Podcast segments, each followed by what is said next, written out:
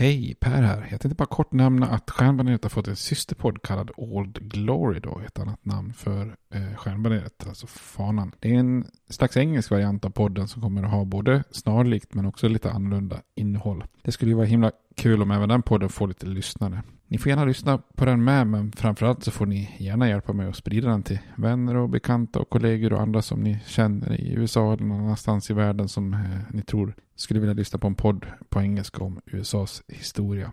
Tack, det var bara det jag ville säga. Nu kommer avsnittet. Hej då! Burrow is a furniture company known for timeless design and thoughtful construction and free shipping, and that extends to their outdoor collection. Their outdoor furniture is built to withstand the elements, featuring rust-proof stainless steel hardware, weather-ready teak, and quick-dry foam cushions.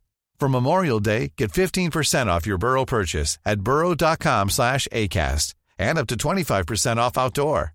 That's up to 25% off outdoor furniture at burrow.com slash ACAST.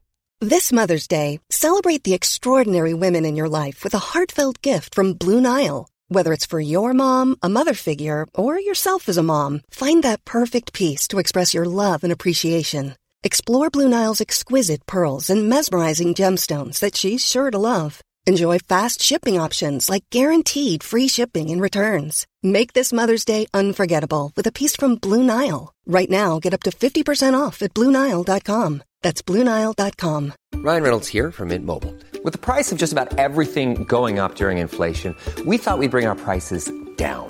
So to help us, we brought in a reverse auctioneer, which is apparently a thing. Mint Mobile unlimited premium wireless. Ready to get 30, 30, bit to get 30, bit to get 20, 20, 20, bit to get 20, 20, bit to get 15, 15, 15, 15 just 15 bucks a month. So, Give it a try at mintmobile.com slash switch. $45 upfront for three months plus taxes and fees. Promo for new customers for limited time. Unlimited more than 40 gigabytes per month. Slows. Full terms at mintmobile.com.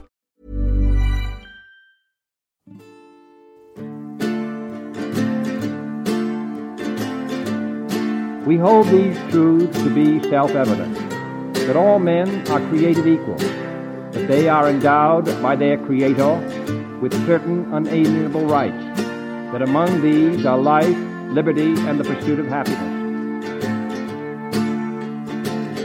Now we are engaged in a great civil war, testing that government of the people, by the people, for the people, shall not perish from the earth.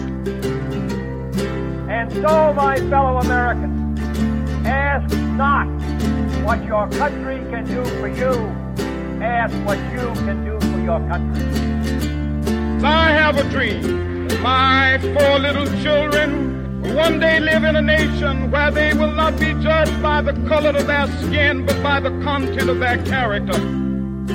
Mr. Gorbachev, tear down this wall. I did not have sexual relations with that woman, Miss Lewinsky. Hej och välkomna till Stjärnpanelet, en podcast om USAs historia med mig Per Fjärdingby. Jag tänker vi hoppar rätt in på dagens avsnitt då, där, eh, som blir det nästa i serien om afroamerikaners medborgarrättskamp. Förra avsnittet så tittade vi lite grann på hur det uppstod lite mer radikala afroamerikanska ledare och hur man bildade den här organisationen NWACP. Eh, bland annat W.E.D. Boy var med. Och eh, vi tittade lite grann på det begynnande motstånd som afroamerikaner gjorde, men som de också gjorde att de drabbades väldigt hårt efter första världskriget. Eh, idag ska vi fortsätta att titta på hur den här kampen börjar på något vis ta form då, medborgarrättskampen.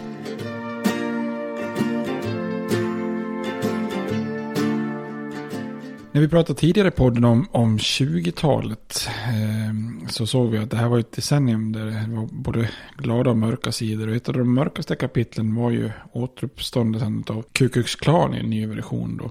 Eh, och det fanns ju såklart en väldigt röd tråd i det här våldet mot afroamerikaner.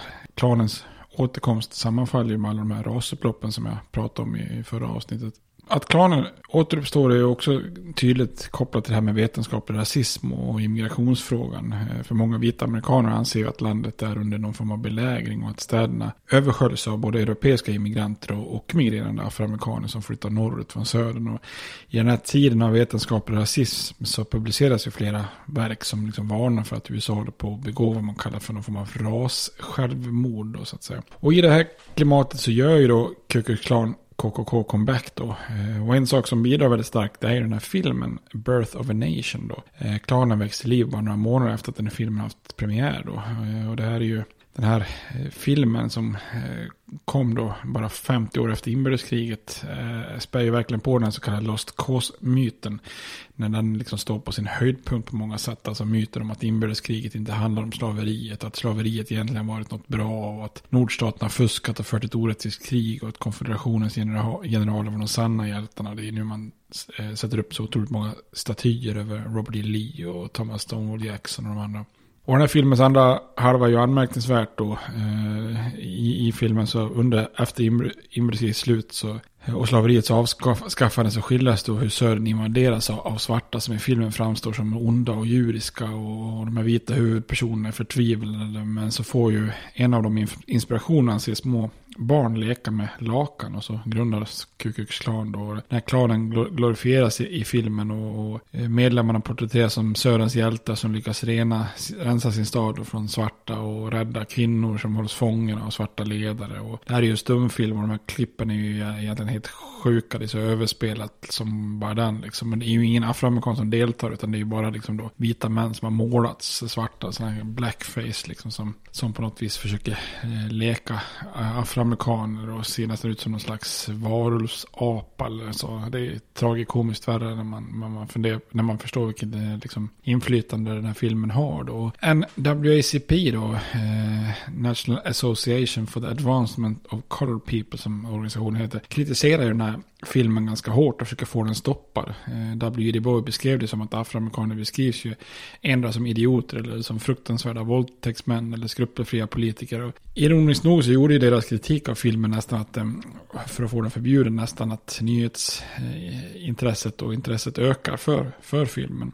Och den blir ju då enormt populär där 1915 och, den andra klanen startas ju, eller om man säger återuppstår, klanen återuppstår då, samma år i Georgia eh, på Thanksgiving, ironiskt nog då. Och det är ju metodistpastorn William Simmons som samlar ett antal män vid Stone Mountain utanför Atlanta i, i Georgia då. Och där har man då en amerikansk flagga och bränner ett kors. Och KKK och den nya klanen får snabbt en väldigt stor spridning och givetvis i södern men också på nationell basis på, basis på ett helt annat sätt eh, än tidigare. Då. Och de här två versionerna av, av klanen då, den första och den andra skiljer sig ganska mycket åt. Den här andra versionen som vi främst är ju den vi främst tänker på kanske idag då, som, som ändå liksom har lite spår än idag då. Och den första klanen efter inbördeskriget under den här rekonstruktionseran, det var ju liksom en organisation som oftast bestod av före detta konfedererade soldater och befäl från de här besegrade arméerna. Och de var ju liksom demokraternas eh, paramilitära förlängda arm kan man säga. Och målet hade ju varit då att demokraterna skulle återfå makten i södern efter ockupationen. Och när man hade gjort det, liksom, eller nått i mål då efter kompromissen 1877 då, så när rekonstruktionen produktionen tar slut så dör ju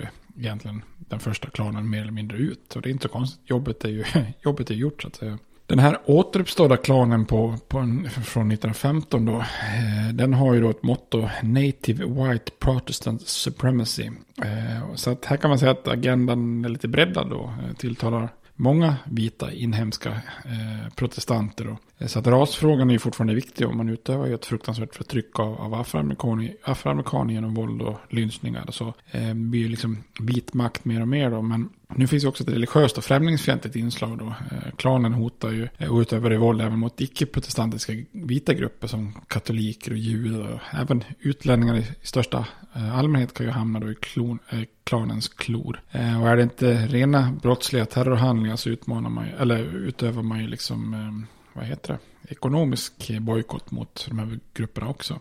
Så här, det här blir ju, den här andra klanen blir ju som en rörelse som är en slags protestantisk, populistisk, medelklassbaserad eh, missnöjelse och lite rasistiskt grundad vit maktrörelse som vill rena samhället utifrån ja, både ras, religion och immigration givetvis. Men också egentligen från, från brottslighet och synder av alla tänkbara slag och moraliskt fall och så vidare. Allt utifrån då deras egna tolkning naturligtvis. Och de här vita rockorna, rockarna och huvudena som de bar på sina hemliga ritualer som inte alls riktigt såg ut som den första klanens eh, kostymer eller vad man ska kalla det för. Det skulle ju symbolisera en renodlad vit protestantisk amerikansk eh, kultur då, som var under angrepp från andra raser och immigranter och religioner då. Och för att bevara den här renodlade amerikanska kulturen så ägnar man sig då åt korsbränning och misshandel och kidnappning, lynchning och mord och lemlästning då. Eh, och den nya klanen på 20-talet var ju naturligtvis stark i södern men i många fall kanske ännu starkare i delstater som Ohio, Illinois och Indiana och så vidare då. Så uppskattningsvis ungefär tre femtedelar av medlemmarna fanns faktiskt utanför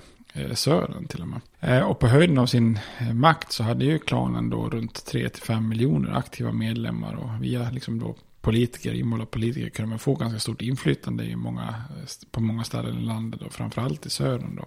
Och den här folkligheten som klanen ändå har manifesteras ju inte minst av att självaste presidenten då, Woodrow Wilson, officiellt till och med hyllar den här filmen Birth of a Nation då. Och det är ju verkligen socialt för alla då. Det, det är liksom i, i den här intresseklassen av vita då. Det finns en Women's Order för kvinnor. Det finns en Junior Order för pojkar. Det finns en Tri-K-Club för, för småtjejer och så vidare. Då. 1925 kanske den här andra klanen står på sin höjdpunkt och det är då man ut, genomför då en eh, parad läng i Washington DC då, nere för självaste Pennsylvania Avenue. Över 50 000 som deltar i sina vita rockor och huvud. Eh, och det kan ni ju, tycker jag verkligen ni ska söka på, på, på nätet. Alltså den här KKK-paraden 1925, det är ju häpnadsväckande bilder att se liksom alla de här eh, vitrockarna gå, gå ner för, liksom rätt på gatorna i huvudstaden då så att säga.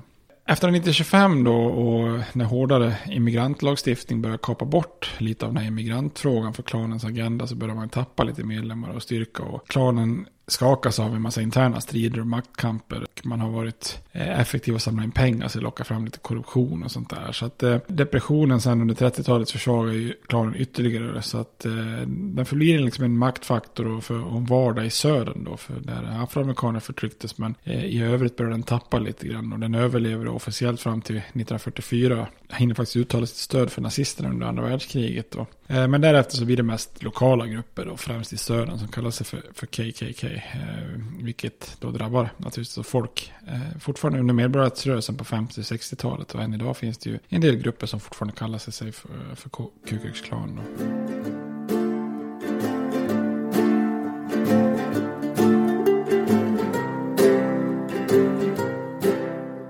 Adderar man ihop hur afroamerikaner motarbetas via vetenskaplig rasism och segregering, diskriminering och våld i form av både rasupplopp och lynchningar och ett eh, på nytt fött eh, KKK så förstår man ju att södern kanske inte i alla aspekter är den absolut mest mysiga och mest avslappnade regionen att eh, bo i. Då. Under slutet av 1800-talet kan man ju fundera på varför så få egentligen har flyttat därifrån. Då.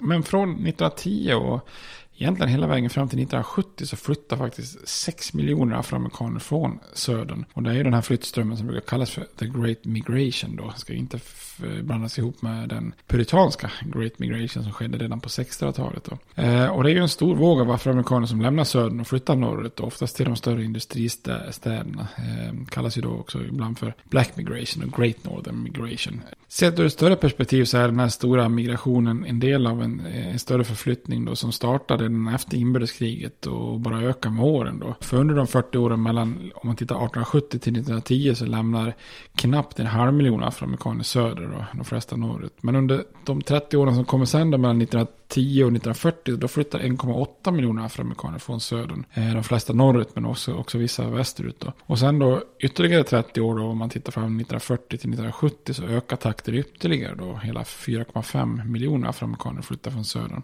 Och att den här stora migrationen uppmärksammas runt första världskriget är ju för att det är då det tar fart då. Eh, verkligen på allvar då. Och, och, det handlar ju alltså om en flyttström från söder till norr men också från landsbygd till stad. Eh, och redan 1940 hade ju den afroamerikanska befolkningen utanför södern fördubblats och det bor ungefär lika många afroamerikaner i, i städer som på landsbygden. Orsaken till att man flyttar flyttar är ju egentligen, man brukar kalla, prata om både push och pull-faktorer då. Något som drar och något som, som knuffar. Både allmänna och specifika. Och en allmän sån här push-faktor som gör att man vill lämna södern är ju såklart för att komma bort från Jim Crow-lagar och lynchningar och segregering och rasetikett och sånt som finns i södern då.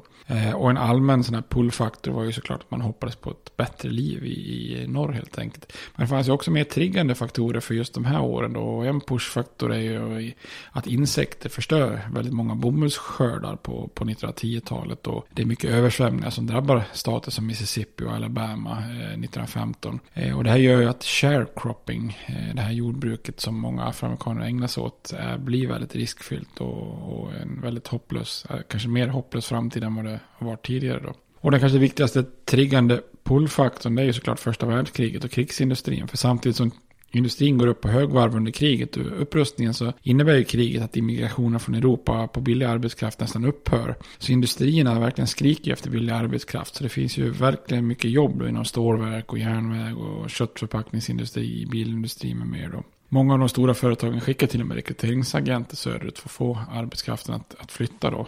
Man reser runt i södern och lovar jobb och höga löner för de fattiga afroamerikaner som vill slippa sina eländiga jordbruksarbeten i södern då. Ett antal inflytelserika afroamerikanska tidningar uppmanar också sina bröder och systrar i södern att flytta. Eh, och när ryktet väl har gått om ett bättre liv i norr så blir det en flodvåg av människor som, som lämnar södern då. Den afroamerikanska befolkningen i, i flera av de större städerna i norr växer ju dramatiskt under den här perioden. Eh, Detroits afroamerikanska befolkning ökar på bara några år med 610 procent. Och Clevelands med 307 procent och Chicagos med 148 procent. Och det är nu för första gången som många städer i norra USA får en afroamerikansk befolkning att verkligen tala om Då, så att säga. Och på motsvarande sätt så minskar befolkningen i södern. Vissa specifika delar av södern avbefolkades eh, rejält. Och delstater som Alabama, Georgia, North Carolina, South Carolina, Virginia hade ju redan 1920 förlorat ungefär 100 000 invånare var. Då. Och många vita i södern reagerar ju lite ambivalent kan man säga då, mot den här stora eh, migrationen. På ett sätt så välkomnar man ju att man blir av med folk som man hade så låga tankar om då som afroamerikaner. Men samtidigt så fanns det också en oro i södern när arbetskraft började fly då.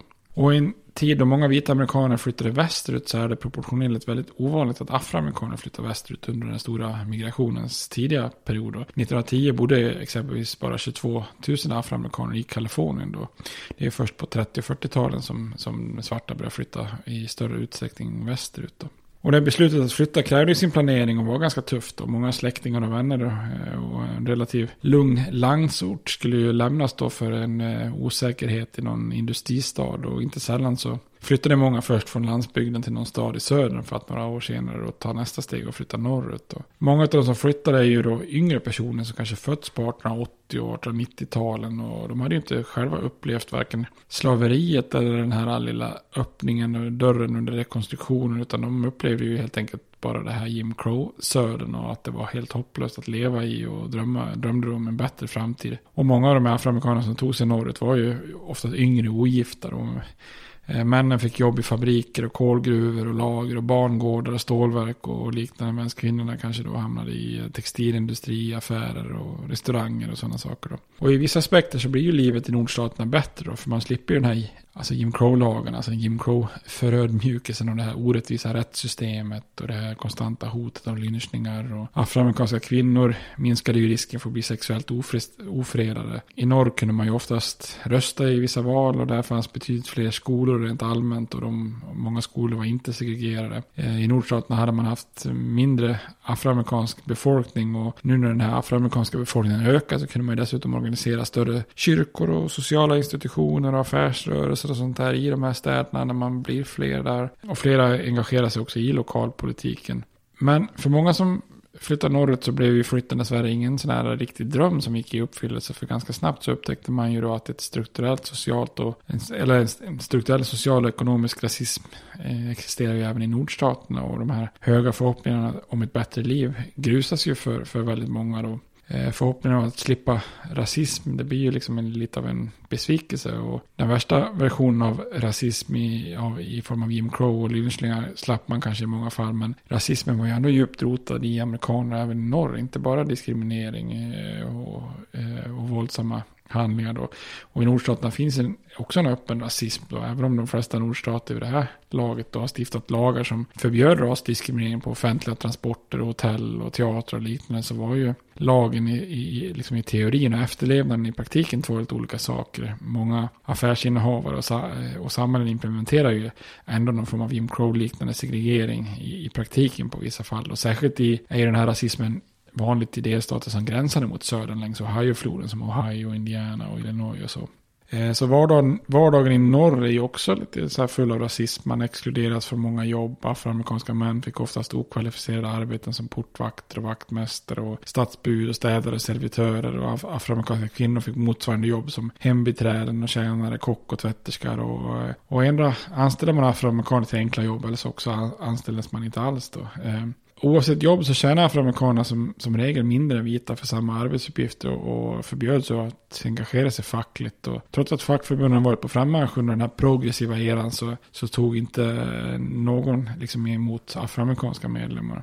Eh, I vissa aspekter så var ju befolkningen i nordstaterna nästan ännu mindre villiga att leva nära svarta. För till skillnad från södern så var ju många samhällen i norr inte van med att ha många svarta bland sig. Och man såg gärna att svarta bodde i särskilda områden i städerna och som då snabbt blev nedgångna slumområden. Och de här spänningarna mellan vita och afroamerikaner ökar i samma takt med att konkurrensen om jobb och boenden i norr ökar när allt fler afroamerikaner drog norrut. Många konflikter, till exempel de här upploppen som vi pratade om i förra avsnittet, uppstår ju när arbetsgivare till exempel tar in afroamerikaner i fabriken när vita arbetare strejkar. Så för de flesta afroamerikaner som flyttar norrut så blir livet varken himmel eller helvete eftersom vita bostads bolag många gånger vägrar att sälja bostäder till afroamerikaner så tvingas man ofta tränga ihop sig i särskilda afroamerikanska kvarter. Många afroamerikaner som insåg att rasism och diskriminering fanns även i, i norr föredrog ju då också att bo nära och leva nära andra afroamerikaner.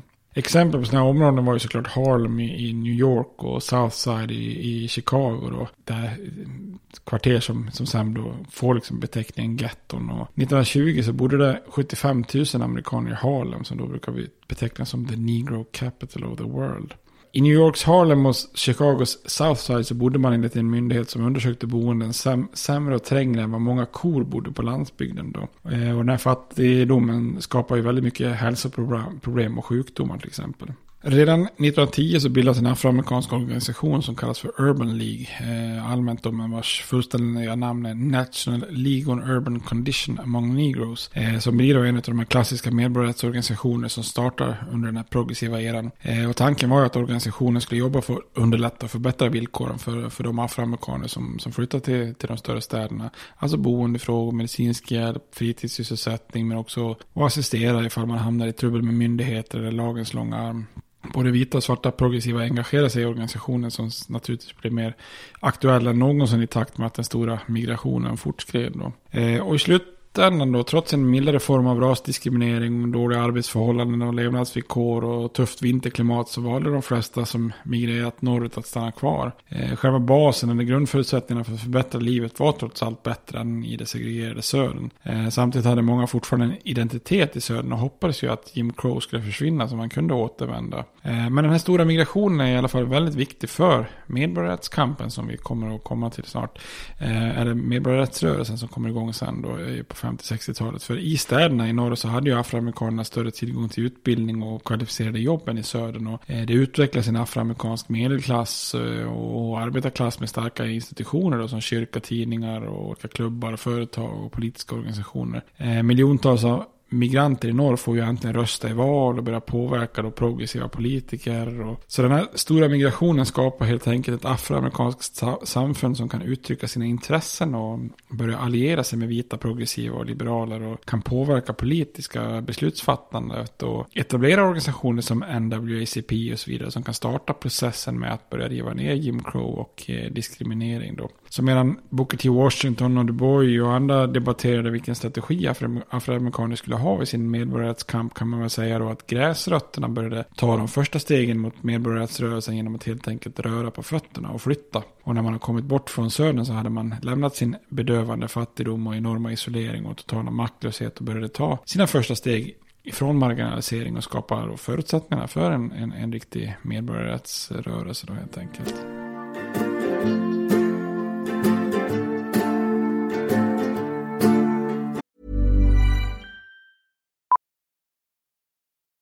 Millions of people have lost weight with personalized plans from Noom, like Evan, who can't stand salads and still lost 50 pounds.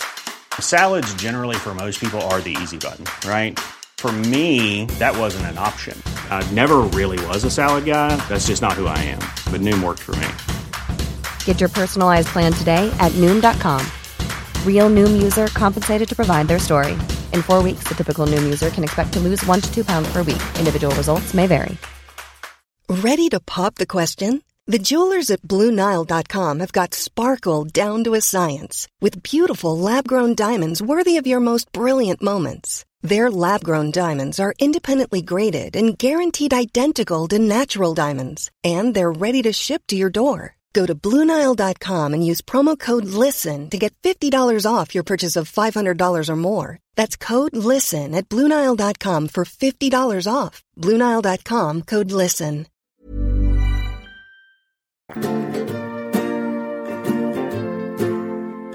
USA på 20-talet var ju eh, en enda lång ekonomisk boom och bra tider för väldigt många amerikaner då, det här glada 20-talet. Men för afroamerikaner så var ju, var ju en del av befolkningen som inte alls på samma sätt fick ta del av det här 20-talets ekonomiska boom då. Eh, trots att många afroamerikaner flyttade norrut till städerna under, under 20-talet under den stora migrationen så bodde fortfarande de flesta i södern eh, där de fick leva som arrenderande bönder eller som, som bäst då, eller sharecroppers och fattiga jord, jordbruksarbetare som sämst. Då. 1930 så bodde ju fortfarande 3 miljoner afroamerikaner, alltså 25 procent av, av totala antalet i, i landet då, i de här tre delstaterna Georgia, Alabama och Mississippi, den djupa södern då. Eh, och uppskattningar som gjorts är ju att ungefär runt 80% av dem levde i direkt fattigdom. Eh, och i norr blev det inte alltid bättre som vi pratade om, utan där kunde man också fastna i en annan typ av fattigdom och, och rasism då. Eh, och de afroamerikanska ledarna som dominerade inom det afroamerikanska samfundet i slutet på 1800-talet och början av 1900-talet som Frederick Douglass, Booker T. Washington, W.D. Boy gjorde ju inga större försök att organisera den här breda massan av fattiga och lågutbildade afroamerikaner som oftast jobbade inom då jordbruket. Trots att de hade olikheter i ideologi och strategi så hade de ju gemensamt att man liksom på något vis förväntar sig att det är den mer välutbildade eliten och den afroamerikanska liksom kanske medelklassen som, som ska tala för och leda landets eh, afroamerikaner i, i den här kampen för medborgerliga rättigheter.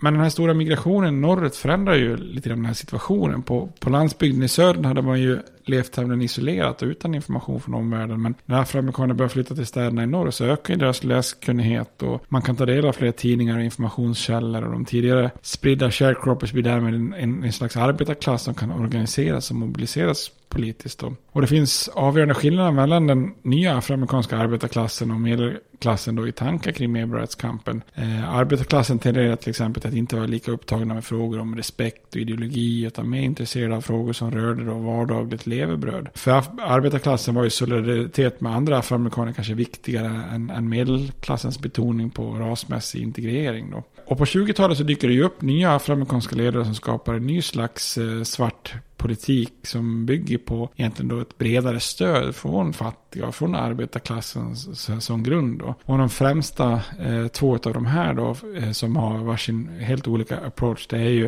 A. Philip Randolph och eh, eh Marcus Garvey då. Den mer spektakulära av de här det är ju då Marcus Garvey. Eh, han startar ju en eh, organisation då som heter UNIA, United Negro Improvement Association. Eh, som får då flera miljoner lojala och entusiastiska följare och blir den största afroamerikanska proteströrelsen dittills då. Eh, Marcus Garvey han var ju född och uppvuxen på eh, Jamaica då. Eh, och redan Eh, 1914 så skapar han på, i Kingston på Jamaica den här organisationen UNIA. Och året därpå eh, så, så, så startar han en tidning som kallas för The Negro World. Då. Men han lyckas liksom inget vidare på sin födelseö då. Eh, och 1916 så väljer han att flytta till USA. Eh, och där har ju det här fenomenet Marcus Garvey en bra timing kan man säga. För 1915 är ju det året när Booker T. Washington, eh, som fram tills dess hade varit den största ledaren, dör då. Så Garvey fyller liksom lite grann ut utrymmet då. Och hans stora stöd bland afroamerikaner har sitt center i stadsdelen Harlem i New York City då. Eh, och inte nog med att den stora migrationen ökar Harlems befolkning rejält i början av 20-talet. Dessutom så inträffas, inträffar ju den här så kallade Harlem-renässansen på 20-talet då som jag pratat om tidigare. Då, med en slags kultur, kulturellt uppsving eh, bland afroamerikaner. Och själva beteckningen renässans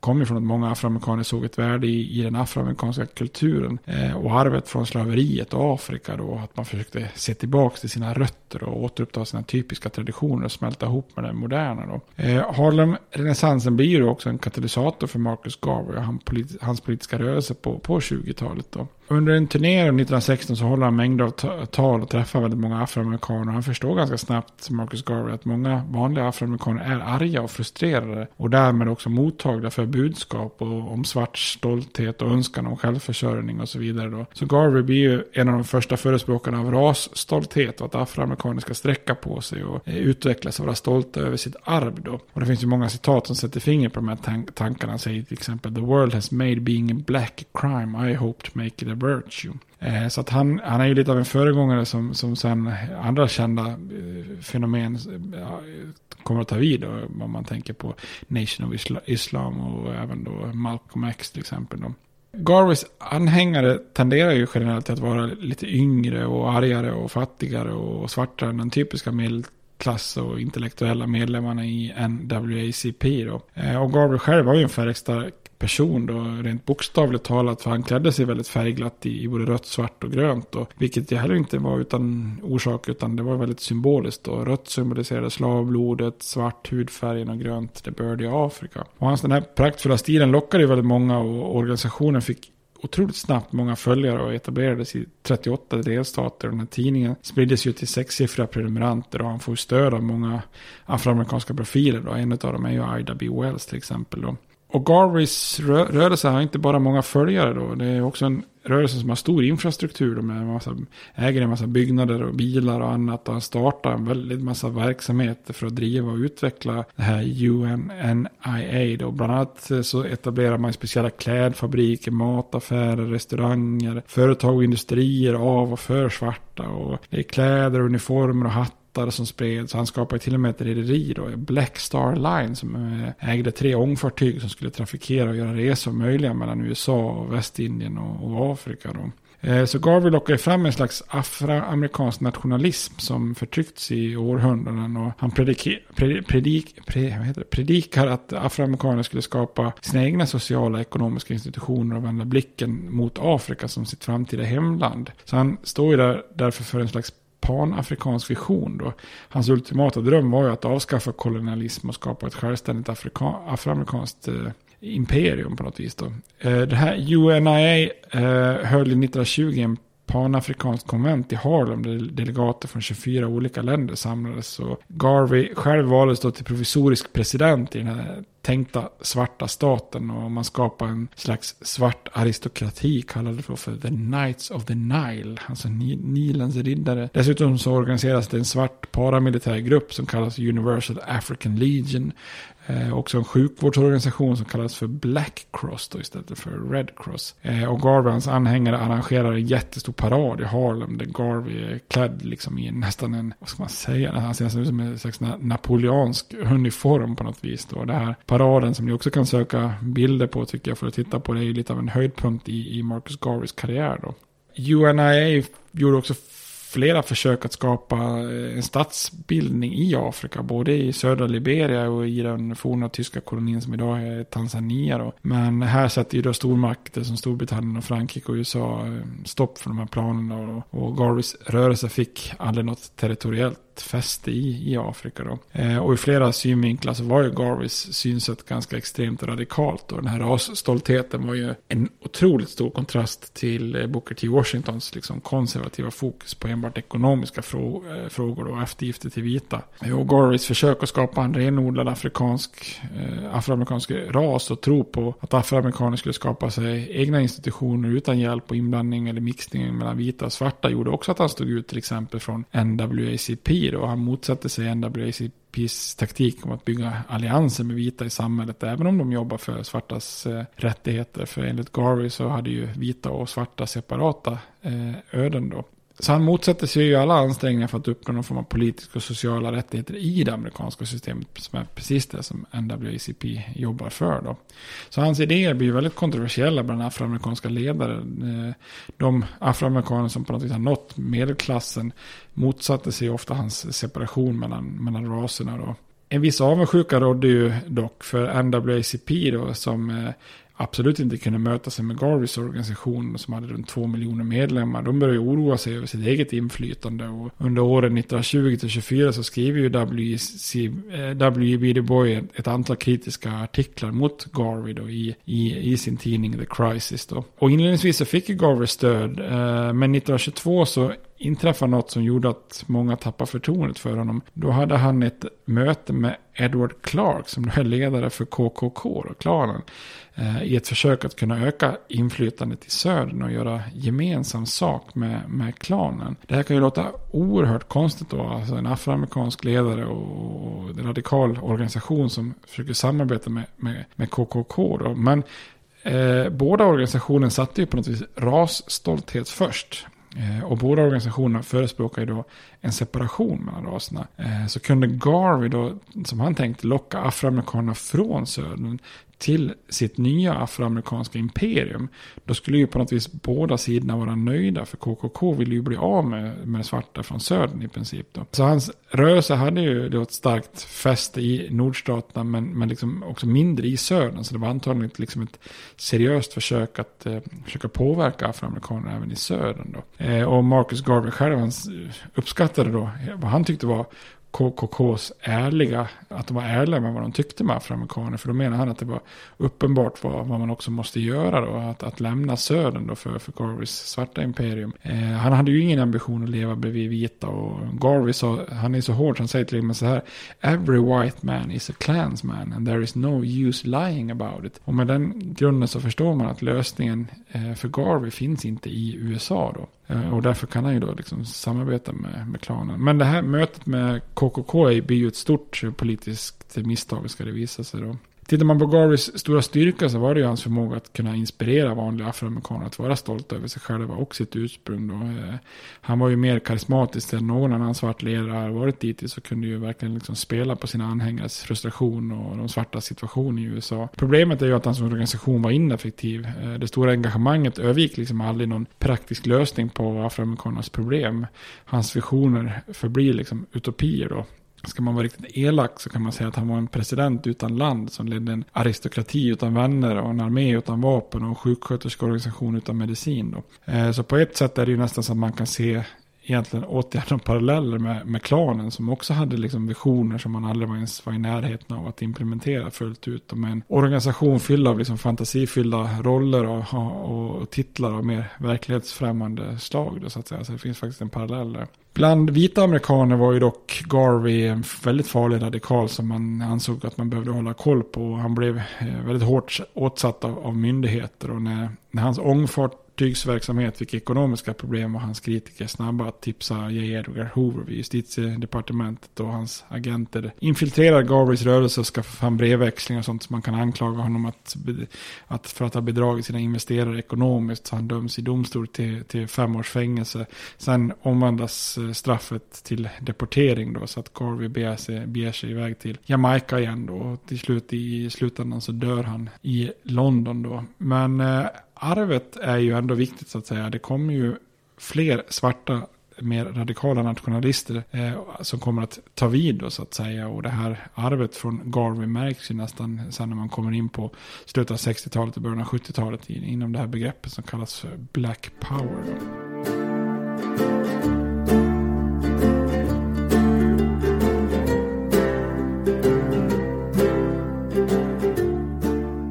Den andra afroamerikanska ledaren som har sin, lägger sin grund liksom bland eh, arbetarklassen är ju A. Philip Randolph. Eh, Randolph är född i Florida i söder men flyttade till New York City och Harlem 1911 när han är 22 år gammal. Och han tar väldigt tidigt eh, stort intryck från den amerikanska vänstern och profiler som socialistpartiets Eugene Debs och den eh, radikala fackliga ledaren Big Bill Haywood som jag pratat om i tidigare i podden då. Och han börjar studera och läsa Karl Marx och 1916 så går han med i socialist kommunistpartiet. Och, eh, A. Philip Randolph han är övertygad om att den kapitalistiska exploateringen Eh, är det som orsakar svartas eh, fattigdom och skapar en slags konkurrens mellan vita och svarta arbetare som göder rasismen och hindrar arbetarklassen oavsett om man är svart eller vit. Eh, så på så sätt kan man säga att han ansluter sig till skolan som menar att lösningen på rasfrågan med segregering och diskriminering fanns då med i sociala och ekonomiska reformer då. Och Randolph han blir en flitig talare då i Harlems så kallade Speaking Corner i korsningen mellan 135 gatan och Lennox Avenue då. Där står han välklädd och för ut sina socialistiska budskap och är en väldigt eh, duktig talare. Och det gör att hans budskap främst gick hem hos eh, den yngre generationen av eh, afroamerikaner. Då. Randolph och flera av hans kollegor kritiserar ju väldigt hårt första världskriget till exempel. Då. Men i, det långa loppet så har ju Randolph svårt att mobilisera den här stora massan av svarta arbetare. Då. Många organisationer som till exempel WNACP tar ju tydligt avstånd från socialister eh, och kommunister och, och eh, vänstersocialister tenderar ju på 20-talet att gå ihop med kommunistpartiet istället eh, och så långt till vänster vill inte Randolph gå då. Den största orsaken till att han, han inte når ut i början det är ju att Marcus Garvey och hans organisation liksom tar över och är så karismatisk så att Randolph kommer ingen vart med, med, med sin liksom då, teori då. Men även om A. Philip Randolphs stjärna dalat lite när Garvey kliver in på scenen så stiger den upp igen då i slutet av 20-talet. När, när Garveys stjärna så att säga faller då och kliver av scenen. Eh, 1925 så når eh, Randolph sin, en av sina största framgångar när han organiserar The Brotherhood of Sleeping Car Porters eh, i Harlem. Vilket är då ett slags afroamerikanskt fackförbund för svarta konduktörer som jobbar inom järnvägen. Och speciellt är det då konduktörer på eh, så kallade Pullmans sovvagnar, alltså mer exklusiva vagnar där konduktörerna nästan var som en slags eh, betjänt som hjälpte passager passagerarna ombord med bagage och städade och serverade och så vidare. Och The Pullman Palace Car Company var en av de största arbetsgivarna för afroamerikaner och jobbet som sådana här porters eller konduktörer hade ju för svarta då eh, en relativt hög status. Och under 12 år för Randolph kamp för att få det här svarta facket erkänt av arbetsgivaren och upptaget då i, i AFL, då, American Federation of Labour. Eh, och han lyckas till slut. Då. 1935 så upptas Brotherhood of Sleeping Car Porters i AFL, eh, det vita fackförbundet. Och två år senare så erkänns det här facket av, av företaget som, som sköter de här tågvagnarna. Eh, och den här framgångsrika kampen gör ju att Randolph blir lite av en eh, nationellt känd ledare. Eh, och han blir den här självklara förespråkaren av en mer vänstervriden afroamerikansk politik under 30-talet med, med depressionen och nya given. Då. Eh, och Randolph bryter väldigt mycket ny mark genom kontakter och allianser med vita demokrater och liberala vänsteranhängare i nordstaterna. Så det här blir lite grann slutet på den politiska isoleringen eh, och bana vägen då för vissa sociala och ekonomiska framsteg. Och framgången med den här eh, Brotherhood eh, of Sleeping eh, Car Porters eh, gav ju också den afroamerikanska arbetarklassen en konkret framgång som man kunde vara stolt över. Det var inte bara tomma ord om stolthet som Marcus Garvey basunerat ut utan det här var praktiskt hårt arbete för att få afroamerikanska arbetare erkända. Och den här framgången gav ju därför många svarta arbetare ökat självförtroende och en tro på att man faktiskt hade makt att kunna påverka och förbättra sina liv. Så att det här är ju på något vis en, en, en sån här vändpunkt i, i, och grund för medborgarrättsrörelsen som man kanske sällan lyfter fram tycker jag. Och det här är ju inte sista gången ni kommer att få höra eh, Randolphs namn. Han kommer att återkomma flera gånger här framöver i podden då. Så A. Philip Randolph och Marcus Garvey, de har ju i grunden väldigt, väldigt olika politiska program och stödjer heller inte varandra i sina respektiva kamper. Men Randolphs vänsterpolitik och Garveys den här svarta nationalistiska populismen påverkar ändå medborgarrättskampen i, i grunden på många sätt. Och vi kommer att se här hur, hur många av de senare organisationerna, att det finns en röd linje här från, från deras eh, inledande kamper här.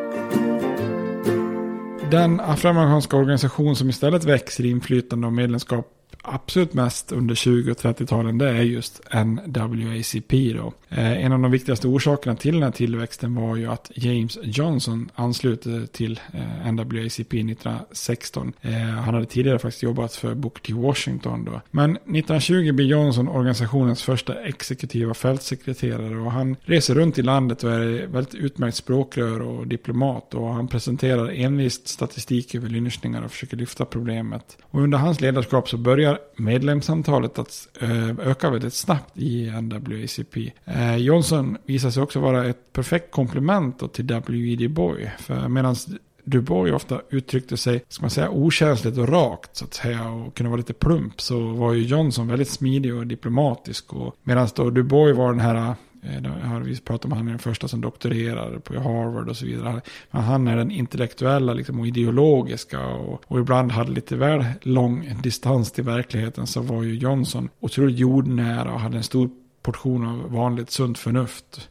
Så eh, Dubois fick helt enkelt sköta tidningen The Crisis då och skriva den medan Johnson drev på den dagliga verksamheten. Och WNCP jobbar ju väldigt strukturerat och långsiktigt inom systemet och man jobbade speciellt genom det rättsliga systemet för att uppnå civila rättigheter genom att driva genom olika, olika rättsfall. Och en bit in på 20-talet så hade ju NWA intagit rollen som den mest betydelsefulla och inflytelserika medborgarrättsorganisationen i USA och skulle förbli så fram till eh, 50 och 60-talets medborgarrättsrörelse. Men då står man ju kanske då mer för, mer för den lite konservativa, eh, högutbildade eh, varianten av protester. Så här har vi egentligen tre spår som som, som sen vi kommer att komma tillbaka till om och om igen under medborgarrättsrörelsen. Att det finns de lite mer konservativa fokusering på, på rättsfall och juridiska processer. Vi har det här lite mer arbetarrörelsen som, som vars arv kommer då från A. Philip Randolph. Och vi har den här lite mer radikala nationalistiska som, som kommer att gå igen sen i Nation of Islam och Malcolm X och så vidare. Men det är här liksom på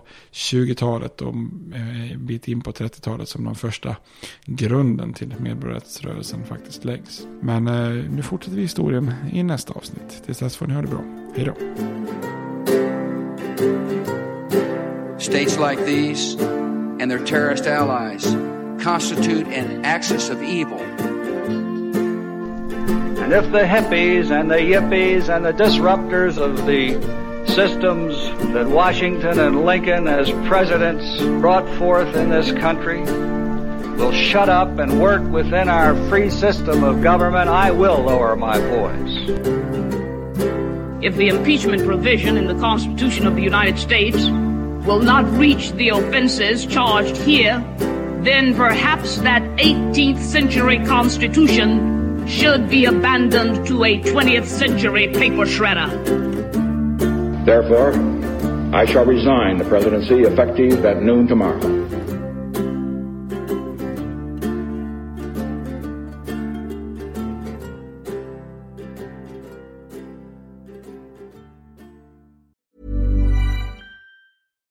When we're on a budget, we still deserve nice things. Quince is a place to scoop up stunning high-end goods for 50 to 80% less than similar brands.